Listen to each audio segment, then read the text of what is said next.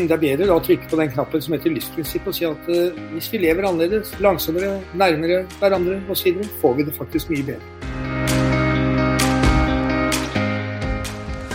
I Endringsskaperne snakker vi med kunnskapsrike og engasjerte folk som kan hjelpe oss til bedre å forstå hvorfor, hva og hvordan vi kan drive bærekraftig business og leve rike og gode liv. Denne endringen den handler om deg, den handler om meg, og den handler om oss alle.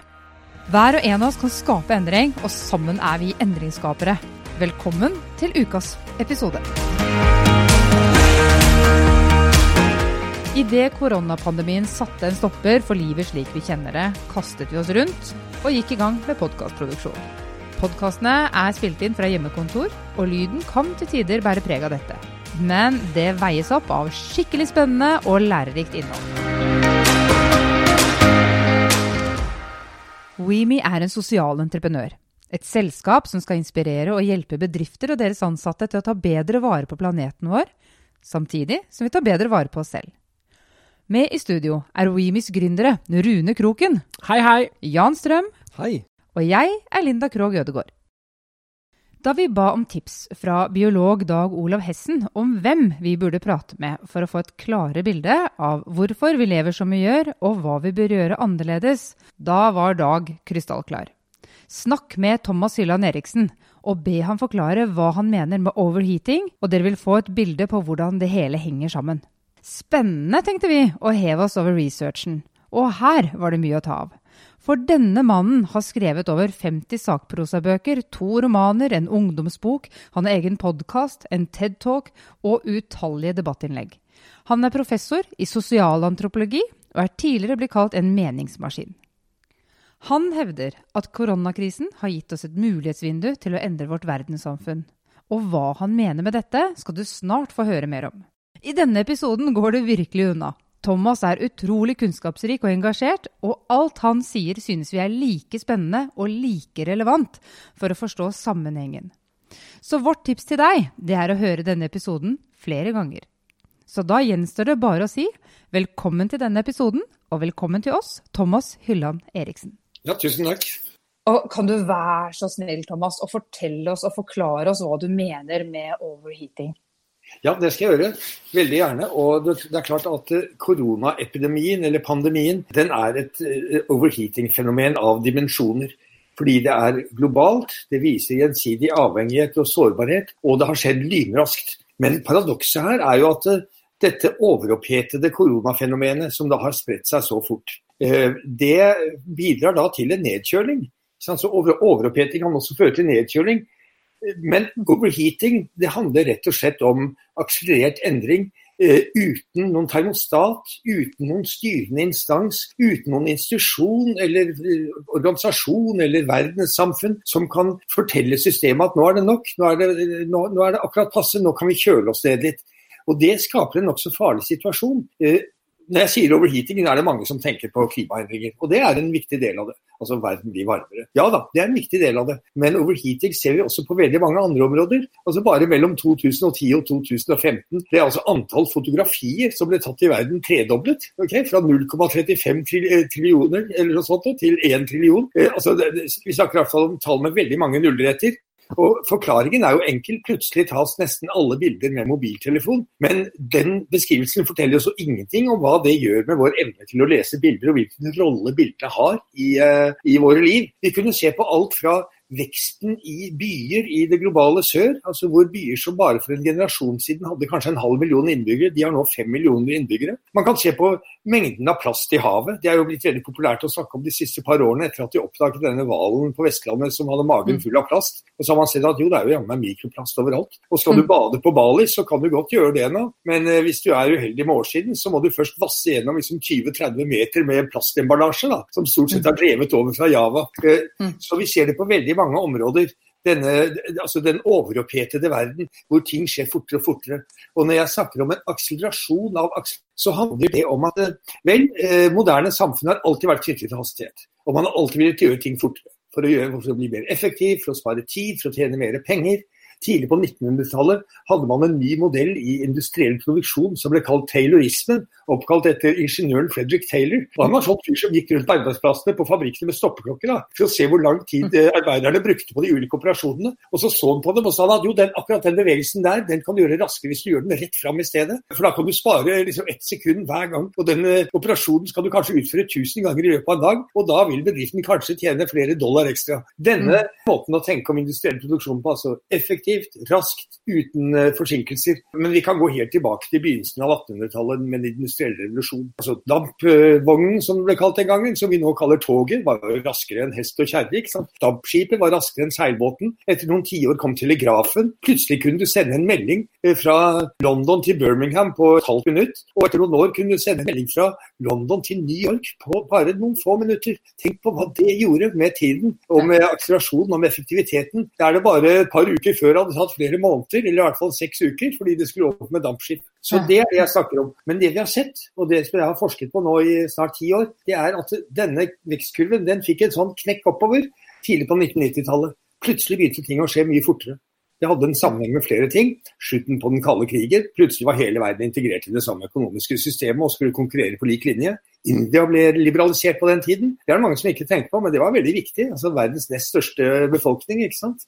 Eh, og med mye industri og datateknologi og jordbruk og åpnet opp for markedsøkonomi. Eh, Kina begynte å komme for alvor inn som en aktør i verdensøkonomien. Eh, vi fikk de nye duppedittene tidlig på 1990-tallet. Internett begynte å komme inn. Folk flest begynte å kunne få internett hjemme og på jobben. Den nye mobiltelefonen med GSM, som du kunne gå med i lomma hvor du ikke trengte å ha med deg en sender, eh, den eh, begynte å spre seg tidlig på 1990-tallet. Så det var mye som konvergerte og som skjedde på én gang. Så jeg, jeg, sier sånn at den overopphetede verden vi nå lever i, hvor ting går fortere og fortere, og hvor ingen egentlig har kontroll og oversikt, den begynte tidlig på 1990-tallet. Og dette skaper noen dilemmaer, noen problemer. Det har skapt mye vekst og velstand, men det skaper også stor ulikhet, selvfølgelig. Og det skaper ikke minst veldig store miljøproblemer. Altså Jeg sier miljø og ikke klima, jeg, fordi eh, det er mer konkret. Klima det er der, men det er så abstrakt. Det er vanskeligere å håndtere konkret, men miljø kan vi håndtere. Mindre plast i havet, det skjønner du. Redde dette skogholtet. Jeg klarer ikke å redde innlandsisen på Grønland, men kanskje jeg kan redde denne bekken som renner rett forbi huset mitt. Så store miljøproblemer. Og det er eh,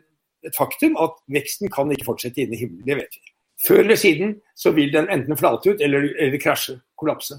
Og det vi nå ser med koronakrisen, er jo en ufrivillig nedkjøling, nedsenking av tempo og en ufrivillig kollaps av verdensøkonomien.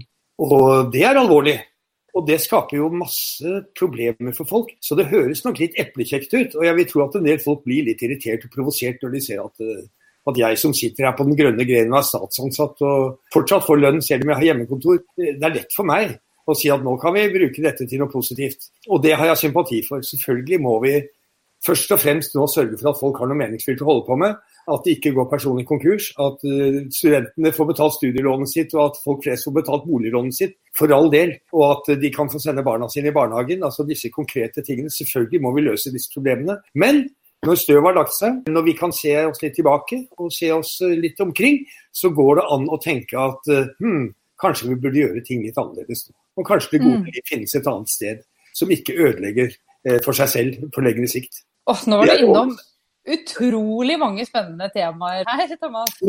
Ja, men hovedpoenget er altså at uh, koronaviruset er et resultat av denne overopphetingen som Dag Hesten også har vært inne på. Frenetisk reisevirksomhet, kontinuerlig kontakt, konstant varetransport. ikke sant? Eh, containerskip som går hit og dit. Eh, verdenshandelen har jo blitt firedoblet bare siden 1980. Og den eh, gjør jo at vi har fått billige dingser. Vi har elektriske forretninger som nå dekker et helt kvartal. Da jeg vokste opp var en elektrisk forretning et sånn lite høl i veggen hvor du gikk inn og det sto en ekspeditør der og sa ja, nei, vi har ikke noen høyttaler på lager nå, men kanskje vi kan bestille noe?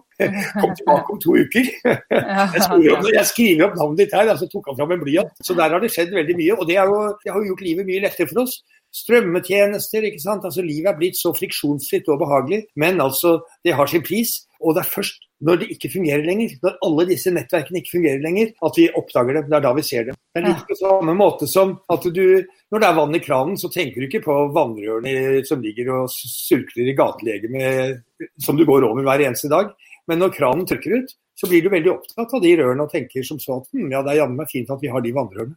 Og nå mm. har vi det samme vinduet inn i globaliseringen, hvor vi ser liksom, infrastrukturen, vi ser stillaset, vi ser grunnmuren osv. i globaliseringen. Oh, nå er jeg nesten litt sånn uh, villrede for hvilken retning jeg skal spørre. fordi det her synes jeg det har vært ja, innom så mye.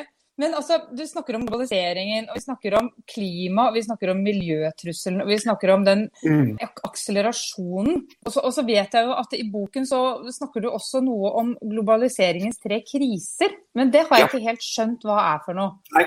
Og det er nok flere når man tenker seg om, men det er tre Du kan si at det, aller mest fundamentale, hvis vi tenker på krisen her, for å si det litt brutalt, det er kombinasjonen av energiforbruk og befolkningsvekst og forbruk. Mm. Så, så det, og det, er, det, ligger der. Sånn, siden eh, napoleonskrigene så har verdens befolkning økt ca. syv ganger. Altså Vi var én milliard den gangen. Det tok oss forferdelig lang tid å bli én milliard. Og så gikk det bare 100 år før vi var to. Og så gikk det 100 år til, og så var vi jammen 7,5 milliarder. Så der har vi en frisk vekst i befolkning. Og det sier seg jo selv at når alle de drømmer om en iPhone og en deilig ferie og en bil, og, og kanskje til og med en hytte ved sjøen eller på fjellet, så er det ikke ressursgrunnlag for det. Eh, men energiforbruket har vokst enda fortere. Altså Det har jo økt 30 ganger i samme periode. Befolkninga har økt syv ganger, men energiforbruket har økt 30 ganger. Og, og, selv om man ser bort fra miljøødeleggelsene knyttet til fossilt brennstoff og klimaproblemene knyttet til fossilt brennstoff, så er det litt dårlig gjort å svi av bare i løpet av noen generasjoner. Altså en kapital som det har tatt kloden 60 millioner år å produsere. Det er litt usolidarisk. altså, ja. For de som kommer senere. Eh, vi lever høyt og har champagne i glass og hytte på fjellet og har det moro. Og så er det da spørsmålet ja, hva med våre barnebarn og oldebarn. Og de kommer til å liksom sitte og sur på labben og, og mene at de var uansvarlige. Men de tre krisene det er rett og slett klima og så er det kultur og identitet. Hvem er jeg, hvor går jeg, eh, hva, hva betyr ordet vi? Eh, hvordan har det, har, forholder det seg med tilhørighet i en sånn tid hvor ting skjer så fort? Eh, får vi mer etnonasjonalisme, eller får vi mer kosmopolitiske verdier? Altså den type ting. Og vi ser jo begge deler. Og den tredje krisen er den som handler om økonomi og finans sånn, som er et ekstremt uregjerlig eh, komplekst system. Jeg begynte å jobbe med dette her like etter finanskrisen i 2007-2008. Ingen økonomer spådde at den eh, ville komme. Og noen av de smarteste økonomene i verden, f.eks. Paul Krugman, som skriver jevnlig i New York Times, han innrømmet at nei, dette her skjønner vi ikke noe av. Dette, dette, visste vi ikke. Vi kan nok forstå det i ettertid, men vi, ingen hadde sett at det der ville komme til å skje. Så det er altså klima, miljø, økonomi, finans, kulturidentitet som de tre ja. grunnleggende krisene. Som da er knyttet til disse andre tendensene jeg har snakket om, altså med befolkningsvekst og, og en økt energiforbruk. Så vi snakker om store verdenshistoriske omveltninger her. Og noen, ja. Noen, mener jo faktisk at vi lever i en helt ny geologisk tidsalder som kalles antropocen. Ja, det må du forklare. Fordi det begrepet ja. har jeg hørt flere snakke om. Og Kan du mm. forklare hva det egentlig betyr, antropocen? Jo, det, er, det, det, det, betyr jo da altså menneskets tid, menneskets tidsalder. Og, og, noen vil si at den begynte omtrent eh, for 200 år siden. Jeg er eh, kanskje litt mer eh, tilbakeholden og vil si at nei, kanskje etter annen verdenskrig. Men det er den tidsalderen da menneskets fotavtrykk gjør seg gjeldende over hele planeten. Slik at vi faktisk forandrer på hele planetens både klimasystemer og, og geologi. De forandrer på geologien gjennom all gruvedriften. Det er en enorm vekst i gruvedrift overalt. Eh, og Det er, det er lite oppmerksomhet rundt det, men altså, Australia er et, et, eksempel. Der har jeg jobbet. Hvor en gruve som for 20 år siden regnet som en stor gruve, den er nå mellomstor. Det som var en megagruve den gangen, den er en passe stor gruve. Altså Det vokser, og det blir så svært. Og det er en kamp her om eh, mineraler, både sjeldne og vanlige mineraler. Mm som er eh, ekstremt viktig for å forstå eh, vår tid. Og det bidrar til antroposen. Så i antroposen vil det være sånn at selv der ikke noe menneske har satt sin fot, i det indre av Amazonas, på Grønland, midt ute på Antarktis, så vil eh, menneskets fotavtrykk være synlig gjennom utslipp, forurensning og klimaendringer. Ja, så arter dør ut. Viller, viller som aldri har sett et menneske, de dør ut pga. mennesker. Mm. Det er antropocen. Ja, akkurat. Takk. Takk for at du gjorde det klart for oss. Men du har Rune et spørsmål her? Ja, jeg, jeg syns dette er veldig spennende. Men er det noe som heter uh, bærekraftig økonomisk vekst i antropocenen? Kjempegodt spørsmål. Uh, det var jo vår tidligere statsminister Gro Harlem Brundtland som uh, ledet den komiteen i sin tid FN-komiteen som innførte begrepet om bærekraftig utvikling, sustainable development, på slutten av 1980-tallet. Og det ble jo da sett på som et slags Columbi egg, altså en sånn, eh, en sånn genial språklig nyvinning, hvor man skulle kunne forene økologisk ansvarlighet med fortsatt økonomisk vekst. Så det er da slik jeg forstår det, et forsøk på å bevare det eksisterende systemet uten å ødelegge klodens eh, økologi. Og Det er uenighet sant, om hvorvidt eh, noe sånt vil kunne være mulig. Eh, noen vil mene at ja, hvis vi bare flytter hele veksten over til sånn si, virtuelle ting, altså tjenester f.eks.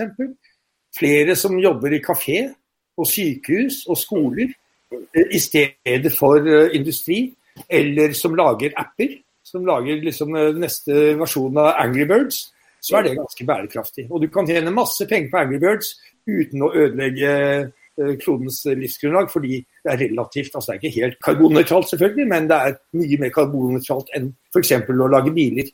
Så det er en eh, tanke knyttet til muligheten for bærekraftig vekst. Jeg tror personene ikke på det, fordi jeg tror at det er noe som ligger i hele, hele den globale kapitalismes logikk, som er knyttet til vekst og fortjeneste for enhver pris. Eh, og da vil man lete etter vekstmulighetene der hvor man finner dem. Og det vil også være på ting som ikke er bærekraftige. Altså La oss ta en sånn ting som solcellepaneler, da, eller eh, andre former for fornybar energi. En ting er at solcellepanelene skaper sine egne miljøproblemer. De trenger sjeldne metaller. Eh, batteriene er vanskelig å resirkulere, og det går miljøgifter ut av dem i, i, ned i jordsmonnet osv. Men en annen ting er at selv om det er frisk vekst innenfor fornybar energi, både vind og sol og bølger, slikt, så vokser også kull. Kullet vokser også, i tillegg. Det var en engelsk økonom på midten av 1800-tallet som het Jevons, som formulerte liksom noe som senere har blitt stående som Jevons paradoks. For på den tiden så var de også opptatt av å spare, spare kull. ikke sant? Energiøkonomisering. Og det var ikke av hensyn til forurensning, men for å spare penger. Og det han, hans argument var, det var at selv om du sparer, og uansett hvor mye du sparer, så kommer du fortsatt til å bruke mer. Fordi det du da sparer inn, det vil du bruke på noe annet. Ja, ikke sant. Og sånn er det litt med privatøkonomi også, er det ikke det? da? Ja, ja, det er nettopp det det er. ja, nå har jeg plutselig 20 000 fordi jeg har vært så flink og bare spist gulrøtter. Da kan vi dra til Syden. Ja, ikke sant. Ja. så er det litt sånn. Eh, og hans eh, prinsipp, da, Kevins prinsipp, har vist seg å være gyldig helt frem til i dag. Altså at du sparer inn på noen områder. Du har fly nå som uh, bruker mye mindre energi enn flyene på 70-tallet. Men det er liksom 20 ganger flere fly, da. Ja, ikke sant? Og da går vinninga opp i spinninga. Men dette er en stor diskusjon, Rune. Og dere, altså eh, Kan vekst være forenlig med bærekraft? Min magefølelse tilsier at det sannsynligvis ikke går. Og at vi må tenke annerledes om det gode liv og hvordan vi skal utvikle oss videre som, uh, som menneskehet. Ja, men, og, kan du ikke si litt mer om det, da? Fordi nå har vi vært innom så veldig store temaer. Og de er så mm. veldig eh, abstrakte eh, for, ja. for, mange. Og ja. vi har jo snakket med Per Espen Stoknes, og han uh, sier jo at det, er nettopp den distansen som gjør at det, så mange av oss ikke om livsstilen. Da. Og når du nå er inne på at vi må leve annerledes, hva, hva er dine tanker rundt hvordan vi da mm. skal leve? Ja, takk. Jo, jeg syns eh, Per Espen har mange veldig spennende tanker om dette. her, og Det er helt åpenbart at for å forstå mennesker grunnleggende, så trenger vi ikke bare antropologi og vi trenger ikke bare skjønnlitteratur, selv om det hjelper. Men vi trenger atferdsøkonomi. Hvorfor kjøper du det og ikke det? Hvordan tenker du omkring uh, dine økonomiske prioriteringer? Og vi trenger i høy grad psykologi. Hvorfor gjør vi ikke det vi sier at vi vil gjøre, men noe helt annet i stedet? Ja. Og hvordan rasjonaliserer vi at vi gjør det? Oppfører oss som vi gjør, ikke sant? og ikke klarer å få til det vi vet at vi egentlig burde. Og Der mener jeg at Per Espen Stoknes og andre miljøpsykologer har kommet med veldig viktige, interessante bidrag. De er nok uenige om noen andre ting. De tilhører liksom litt hver vår fløy innenfor den grønne bevegelsen, men det er helt fint. Og jeg er også veldig enig i at det må skaleres ned.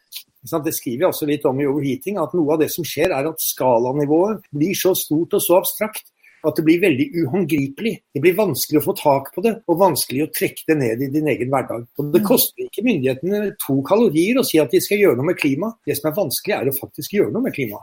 Ja, Hvorfor er det så vanskelig? Ja, Vi så det allerede med Gro Harlem Brundtland og, og Brundtland-kommisjonen. Altså, hun blir jo verdensberømt som en sånn grønn uh, stjerne. Grønn feministisk stjerne på verdensarenaen. Men hjemme i mm. Norge så fortsetter hun å utvide oljeborgerlinjen i Nordsjøen. da. For der hadde, man, der hadde, man, jo arbeidsplasser og velgere å ta hensyn til, og det ble noe helt annet. Ja, så, så det, er, det, er, mye vanskeligere å gjøre ting konkret. Det er veldig lett å løse problemer på et abstrakt nivå, men så fort det blir konkret. Eh, jeg jobbet i Australia i en industriby som antropolog i forbindelse med Weeting-prosjektet. Jeg var opptatt av nettopp disse, tingene. Hvordan tenker folk rundt eh, miljø, helse, eh, klima når de lever veldig godt? Og har god levestandard ikke sant? og tjener gode penger på en veldig forurensende industri. For dette var en by som var helt marinert ikke sant? i kull og gass. og det som verre var, de hadde til og med en cyanidfabrikk. ja, de bruker cyanid nemlig til å utvinne gull. Gullgraving. Så bruker man cyanid til å skille ut gullet. Og der eh, var det jo sånn at eh, folk sa at jeg vil gjerne leve bærekraftig, ja. men eh, jeg må betale boliglånet mitt. Og jeg må sende barna mine på universitetet, og det koster penger. Så hvis Greenpeace kan gi meg en bærekraftig jobb i morgen, så tar jeg den umiddelbart. Men inntil da så fortsetter jeg å jobbe på aluminiumsverket, for jeg har ikke noe valg. Og så var det noen da som tilføyde som hadde tenkt litt på dette, at Greenpeace, som er den største miljøorganisasjonen i Australia Det har jo aldri slått gjennom i Norge helt pga. hvalfangsten er en symbolsak for dem. Og De passer ikke så godt inn i Norge, men i Australia er de digre. Og Greenpeace er som de sier, Greenpeace er veldig gode til å redde planeten. Kan de bare si at ja, vi må redusere forbruket så og så mye. og og de er ganske gode til å redde Great Barrier Reef. De sier at ja, regjeringen i Canberra må treffe noen vedtak og tiltak for å unngå at dette store, fantastiske korallrevet dør. Men de er veldig dårlige til å forholde seg til konkrete mennesker, individer og familier som bor i en industriby og som er avhengig av en inntekt for å kunne betjene lånene sine og ha noe å spise. Så der ser vi det der skalaproblemet. Så hvis vi klarer å skalere ned, slik at vi unngår den avmakten og unngår den opplevelsen at det er så stor avstand mellom meg og enten problemene eller makthaverne at det er nytteløst. Jeg kan like gjerne bare legge meg på sofaen og se på Netflix resten av livet. for det har ikke noe å si. Hvis vi klarer å komme ut av den onde sirkelen, eh, så ville det være enormt viktig. Og Da må vi konkretisere det. må vi si som så at vi, vi må gjøre så godt vi kan der vi er. Og det er ikke alt jeg kan gjøre alene. Og jeg kan prøve å jobbe litt politisk, jeg kan jobbe med mitt eget liv, jeg kan spise mindre kjøtt, jeg kan kompostere. Det er mange små ting jeg kan gjøre. Og så kan jeg prøve å være med på å gjøre noen litt større ting sammen med andre. Men mm. vi må komme ut av den avmaktsfølelsen. Og, så der er prestene og jeg veldig på linje. Ja, Mange tenker nok sånn og, og gjør det. Og så er det òg noen som kanskje tenker da at eh, Men det at jeg står her og komposterer, og det at jeg eh, eh handler mindre kjøtt, eller at jeg ikke sant, sånn og sånn det, det, det, Hva spiller det for noen rolle, da? I den store verden. Hvor det er, mm. Og så føler altså, det er mange som mister kanskje litt motet allerede der. Hva kan vi si til de da? Ja, nei, Det er mye vi kan si til det. Eh, altså, vi, er, vi, er vel alle, vi er, har vel alle en rem av den huden, tror jeg. Slaveriet synes jeg er et godt eksempel. Altså, Slaveriet ble tatt som en selvfølge gjennom hele 1700-tallet i Vest-Europa alle filosofer, Voltaire og store, de store amerikanske founding fathers, George Washington og Thomas Jefferson, de hadde jo slaver. For det hadde man jo. Og så var det en liten gruppe karer i England som bestemte seg for at de ville gjøre noe med dette her. Fordi de mente at afrikanere også var mennesker som hadde, skulle ha de samme rettighetene. Og de startet en kampanje. I løpet av mindre enn 20 år så hadde de klart å få igjennom et vedtak i parlamentet i London om at slavehandel heretter skulle være forbudt, og at man gradvis skulle avvikle slaveriet. Og så over en 30-årsperiode så fikk man avviklet slaveriet. Så det kan skje ganske fort. Og i våre dager med elektronisk kommunikasjon så kan det skje enda mye fortere. Mm. Så det kan bli snøballer som begynner å rulle. Og jeg ser for meg at det kan oppstå noen normer som gjør at det å, det å spise innmari mye biff og kjøre en svær SUV som er veldig uh, forurensende, at det er litt harry, ikke sant.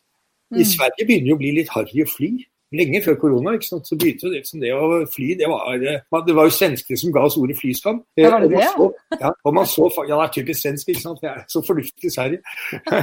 Men man så faktisk at flytrafikken eh, gikk ned i Sverige i 2019. Vi skal ikke undervurdere forbrukermakten på dette området, men jeg tror vi må jobbe på flere plan. Vi må også få til politiske beslutninger. Og jeg føler av og til, jeg må si jeg føler meg av og til selv som uh, Odyssevs, altså fra Homers store helteepos Odysseen. Uh, han var da ute og seilte i Lillehavet ikke sant? og seilte seg vill og kom over mye rare ting. Og et av stedene han seilte over, var jo Sirenenes øy, og den var veldig farlig.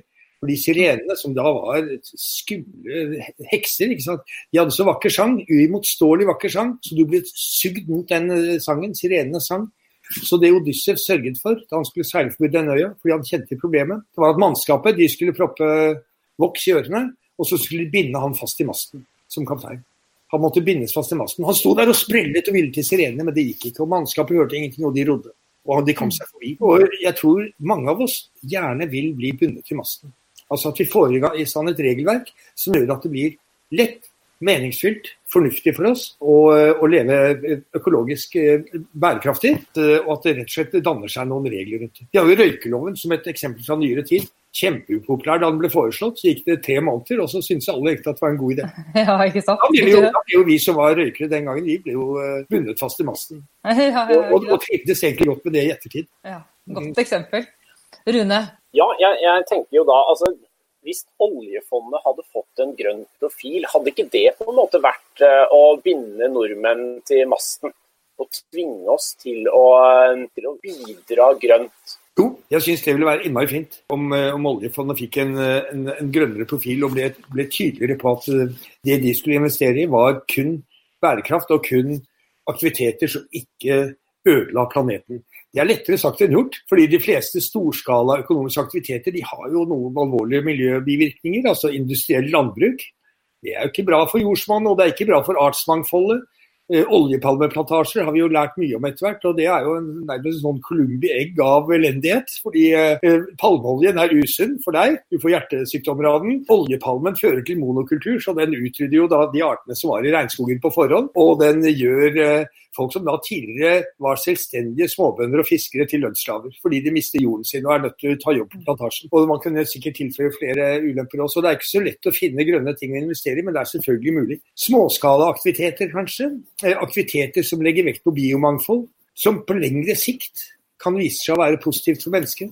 Og Derfor tror jeg også at kildesortering og kompostering og sykling på jobb og sånt, selv om det ikke egentlig løser noen miljøproblemer, så er det en bra ting.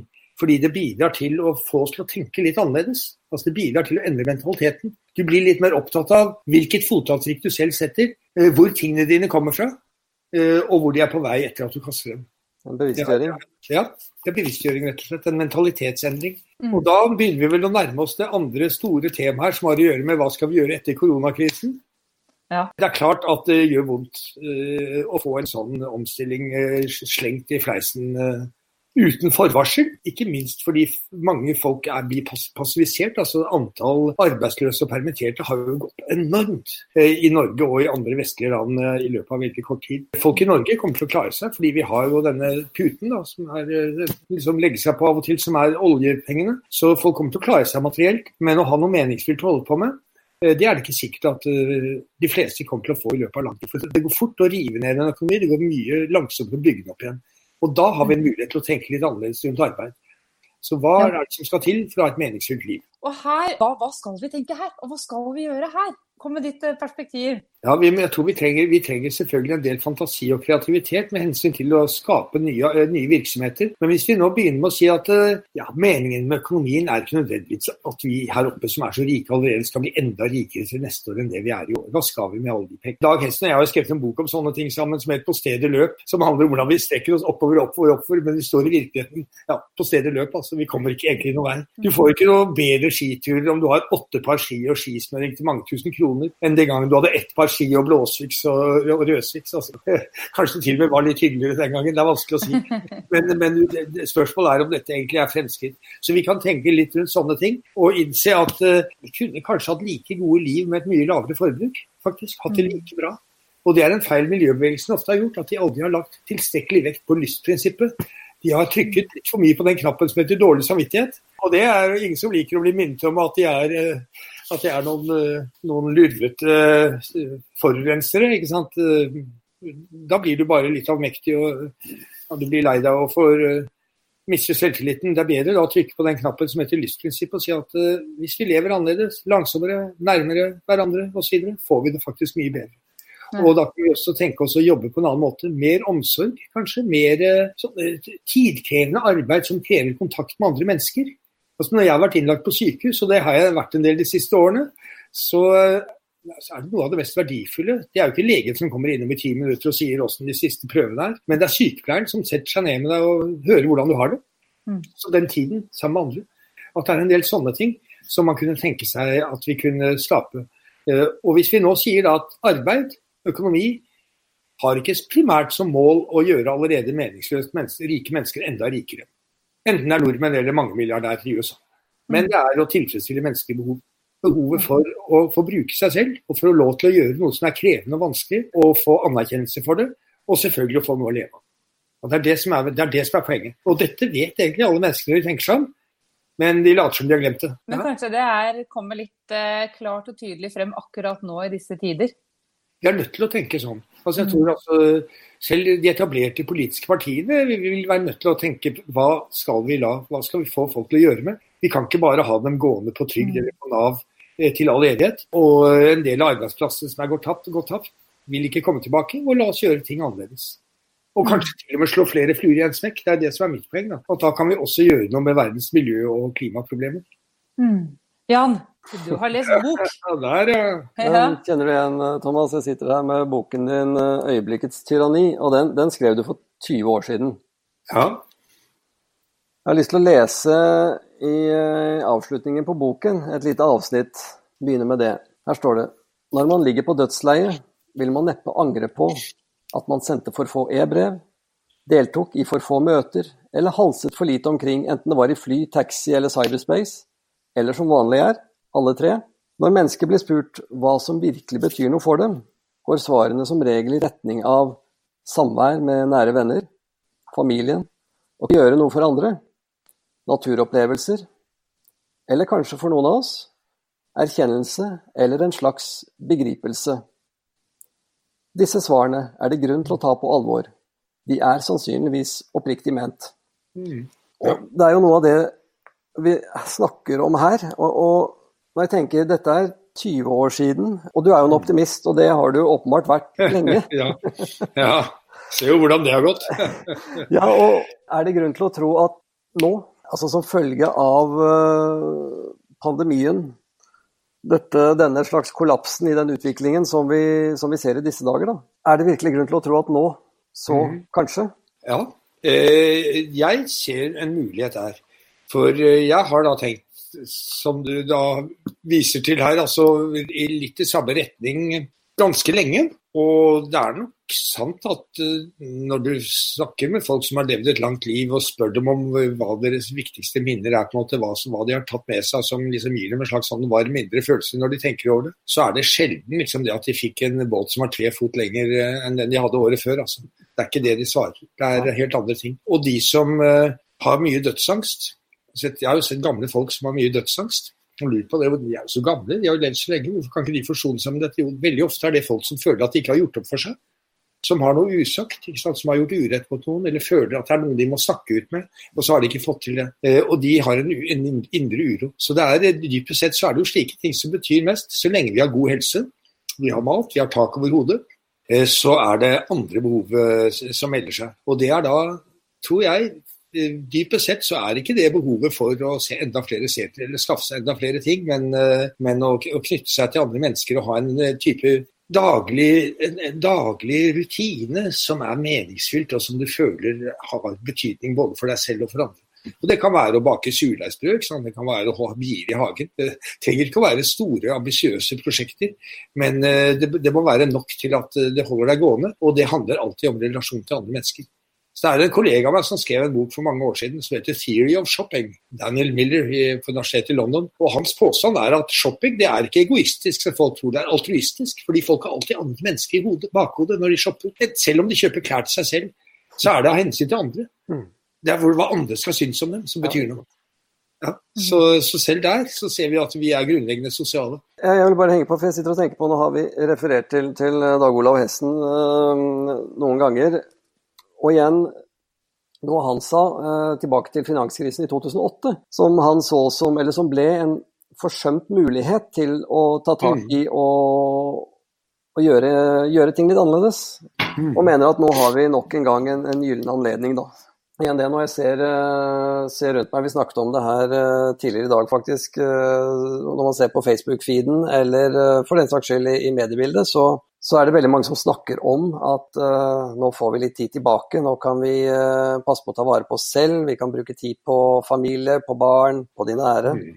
Og så er det spørsmål er de bare prater de om det, eller gjør de det? Og, og mm. at de mm. prater om det, da har de en bevissthet. Hvis de gjør det veldig bra, vil de da fortsette å gjøre det når støvet har lagt mm. seg? Mm. Ja, det er, kjempe, det er, et kjempegodt spørsmål. Bare prater om det eller gjør vi det. Altså, det er jo noen, noen, av de tingene vi gjerne skulle ha gjort som vi ikke har anledning til i samme grad som før. F.eks. ha store fester. Eller å sitte ved et kafébord sammen med venner. Eh, men vi får jo håpe at den muligheten eh, at den muligheten kommer. Men jeg er, jeg er, som dere forstår, ganske enig med Dag Hesten i at nå, nå har vi faktisk en mulighet til å tenke litt annerledes. Men det er noen akutte problemer som melder seg først. Altså Han og jeg snakker nok litt, litt langsiktig. Sånn, eh, hvis vi ser liksom for oss en slags fremtid som går fram mot 2050 eller der omkring, eh, hvor vi gradvis blir mer bærekraftige og klarer å oppfylle noen av klimamålene og, og samtidig eh, får bedre liv og mer meningsfylte og hyggelige liv. Men det som er akutt, er jo da de folkene som da ikke har det så, har så lett for å nyte denne stillheten og langsomheten, fordi eh, de har blitt permittert, de har mistet jobben. Eh, de har kommet, falt ut av en del sosiale sammenhenger som holdt dem gående, eh, og blir sittende hjemme. Enslige mennesker. Eh, kanskje de ikke har et stort økonomisk problem, men de får et veldig stort sånn eksistensielt problem med å bli sittende alene. Og Jeg går kveldsturer nå i strøk hvor jeg bor, jeg blir jo slått av hvor stille det er. Altså Selv jeg som har masse kontakt med folk gjennom elektroniske medier og, og, og bor sammen med min kone og min katt og har kontakt med våre to barn som har flyttet hjemmefra.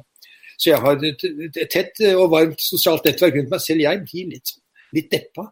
Mm. Og føler at det er litt postapokalyptisk når det er så stille. Så den stillheten, akkurat den stillheten der, den ønsker vi ikke. Vi ønsker å kunne ha vanlig sosial omgang. Men jeg tror at uh, hvis dette varer en stund, og det kommer til å gjøre, så blir vi tvunget til å finne alternative muligheter, alternative løsninger. Mm. Og da kommer vi kanskje til å oppdage at uh, det var ikke så dumt.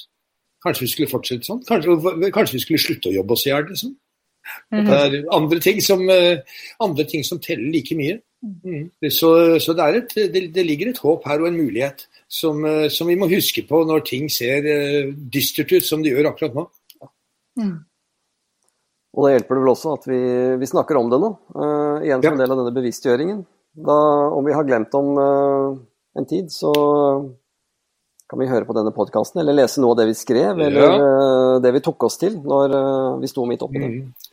Det kan vi gjøre, men jeg tror personlig ikke at vi kommer til å glemme det. Altså, jeg tror dette her er en verdenshistorisk begivenhet. Mm. Større enn 9-11. Eh, altså, det er morsomt at du nevnte den boka 'Øyeblikkets tyranni', fordi den kom ut av januar 2001. Eh, og handlet om hastverk og ny teknologi og, og hva vi gjør med måte, tiden og stablingen av aktiviteter og alt dette her. Og Så gikk det et halvt år, og så kom terrorangrepet på USA. Og da tenkte jeg i flere uker at uh, det jeg har gjort, sant, er å skrive en slags gravskrift over de glade 90-åra. For nå er det en helt ny tid med krigen mot terror og paranoia osv. Men det viser seg jo at uh, jo da, det ble, det ble, noe som varte. Krigen mot terror og paranoia varte. Men uh, det jeg skrev med øyeblikkskrani, det, det varte også. Så det, det, var ikke en verdenshistorisk begivenhet på samme måte som dette. Så Linda, du nevnte jo innledningsvis svartedauden og, og pesten på 500-tallet og, og, den type ting og, og, disse sykdommene som knekket på nesten hele befolkningen i den nye verden. Ikke sant? Så at uh, ja. europeerne egentlig bare kunne slå seg ned, for det var store, tomme områder. Hvor det tidligere hadde vært eh, ja, veldrevne samfunn hvor de dyrket både mais og, og, holdt på med andre ting. Så det, dette er eh, ikke en sånn pest som kommer til å utrydde en tredjedel av menneskeheten, men det at den får økonomien til å stoppe opp i den grad den gjør, det er dramatisk. Altså. Så jeg tror det er en verdenshistorisk begivenhet. Så jeg tror ikke det er sånn at neste år så kommer vi til å se oss tilbake og tenke ja, det var korona, liksom, nå er det tilbake til det normale. Det kommer nok ikke til å skje. Nei. Hm. Jeg tenkte også, jeg ser at uh, vi nærmer oss uh, slutten på den tiden vi har sammen med deg, Thomas. Altså, vårt perspektiv er jo disse klimaendringene, miljøendringene.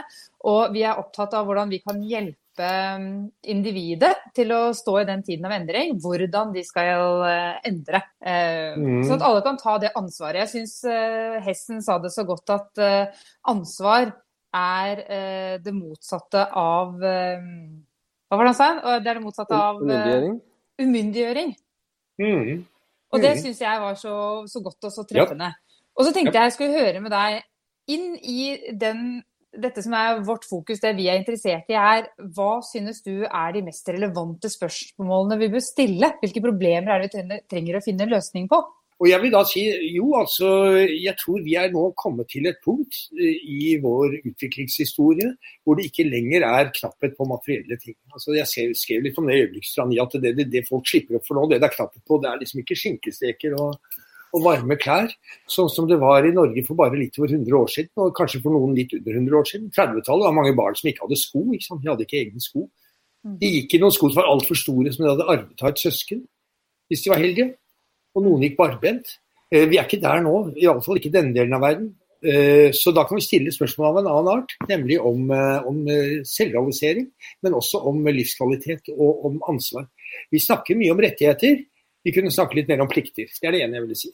Så Hvilke plikter har vi overfor hverandre, overfor fellesskapet, overfor økologien, overfor fremtidige generasjoner? Det er et, det er et stort spørsmål. Og så må vi stille spørsmål om, om livskvalitet. Altså levestandard versus livskvalitet. Mm. Som, de tingene har jo ofte vært blandet sammen. Eh, vi må kunne skille tydelig mellom disse to tingene. Ja. Og, og, vise at det ene ikke er det samme som det andre. Man blir jo slått av at uh, veldig mange søkkrike mennesker ser ut til å være dypt ulykkelige. De blir skilt, de har kokainproblemer, de begår selvmord. De drar til den private øya si i Karibien, men de har det ikke noe bra der heller. Mm. Så det er sannsynligvis ikke noe å trakte etter. Å være veldig berømt er ikke noe å trakte etter. for Du kan ikke bare gå på gata og, fordi folk vil stoppe deg og be om en autograf. Du kan ikke sitte på en kafé, for de kommer bort til deg. Så eh, ikke sant, Dette er igjen, dette er kjøkkenfilosofi. Ikke sant? Det er eh, enkle, enkle, svar på kompliserte spørsmål. Men jeg tror vi skal begynne med det enkle. Eh, hva er det gode liv? Hva er det som er viktig? Og hva, hvilke kvaliteter i det samfunnet vi har her, hvis vi nå tenker på Norge, er det som er positive og som vi må bygge, bygge videre på. Ja. Hvilke så å si, av disse små vekstene som vi ser spire, er det vi skal gjødsle og vanne? Og hvilke skal vi la forvitre og, og tørke ut og dø? Ja, det syns jeg var en god refleksjon. Ja. Og det fører meg egentlig over i det siste spørsmålet som Rune og Jan og jeg har. Og da, for nå er du innpå nå er du inne på mulighetene, nå er du inne på fremtiden og hva vi trenger å gjøre mer av fremover. Og hvem mm. syns du da vi bør ta denne samtalen videre med? Sett i lys av det du akkurat har vært inne på nå. I, eh, i podkasten? Ja. ja. Du, altså En som jeg veldig gjerne ville høre reflektere rundt dette, her, det er økonomiprofessoren Kalle Mone. Eh, som er eh, spennende økonom. altså Jeg syns han er en av Norges mest interessante økonomer. Og han, eh, han er opptatt av likhet. Altså, han er opptatt av eh, urettferdighet, ulikhet. Han er ikke like opptatt av miljøspørsmål som det Dag Hesten og jeg er. Men, han har, og han har tatt til orde for minimumsinntekt. Og han har regnet på det, ikke sant. Altså, det, er mer, det, er, mer overbevisende når en økonom sier at man bør ha en garantert minimumsinntekt. Eh, altså det som kalles borgerlønn. Borgerlønn, ja. Borgerlønn, ja. ja. Mm. Eh, det, er, eh, det, er bedre, det, er, mer overbevisende en økonom sier det enn en antropolog. Fordi man vet at økonomen han kan i hvert fall regne så han vet hva det koster. eh, og, og, hvordan det vil lønne seg. Og han har noen veldig gode argumenter for det, og gode eksempler. Eh, men også en del andre ting. Og En annen jeg syns dere kunne prøve å lokke ut på, det er en, en miljøfilosof, Arne Johan Vetlesen som er en veldig klok, eh, klok, og sindig mann, som har skrevet et par bøker de siste årene eh, hvor han forsøker å omdefinere vårt forhold til naturen. Altså naturen som en medspiller, og ikke som bare ressurser som er til stede for mennesker. Kjempeinteressant eh, og en klok filosof. Min uh, svigerfar han er uh, filosof etter Carl Christian Andersen. Han har gitt ja. faktisk det tipset. Så interessant at du uh, også nevner han nå. Ja, nettopp. Ja, bra. Så ta kontakt med dem. De ja, det er kjempefint. Er det noen spørsmål som du tenker at er eh, ett eller to spørsmål vi burde løfte frem spesielt da, eller? Jeg tror vi kunne, vi, vi kunne nok holdt på i timevis. og det er klart at eh, ja. noe, noe, av det vi kunne snakket mye om, men det tror jeg ikke vi skal gjøre nå, det er jo pandemier generelt. Hva er det som er spesielt med store sykdomsepidemier? De, fordi de, de, skaper jo frykt. De gjør oss mistenksomme. Og det er noe med den vanlige sosiale omgangen som er, som er, som er blitt usunn nå de siste ukene. Altså, så fort vi kan, så må vi komme ut og være sammen. Mm. At det man unngår hverandre. Eh, at man går over på den andre siden av gata når man møter noen. Eh, det er ikke fiendtlig, og det er eh, forholdsregler, men det er unaturlig. Mm. At man ikke klemmer folk. Ja. Ikke tar det med hånden engang. Man kan vinke, liksom. Sånn. Ja, ja. Det, det, det, det, er klart at Og det, kan smitte over på mistenksomhet overfor fremmede folk. Man hører at det er allerede en del rasisme mot kinesere, bl.a. i afrikanske land. Men jeg har også hørt om det her. Noe som er ganske Altså, hvis du ser på hvor mange i Kina som har vært smittet av koronavirus i forhold til folketallet, så er det ikke veldig mange. Altså Det er store tall, men de har 1,3 milliarder mennesker. Ja. Mm, ja, så det er en liten prosentandel. Ja. Så det, det, det, kunne vi ha snakket mer om, men jeg tror ikke vi skal gjøre det nå. Nei. men i stedet legge vekt på at nå er, en, nå er, vi i en krise. Vi er, vi er blitt nullstilt, vi er blitt nedkjølt eh, på en ufrivillig måte. Og da har vi muligheten til å sette oss ned og og tenke på hva som skal komme etterpå.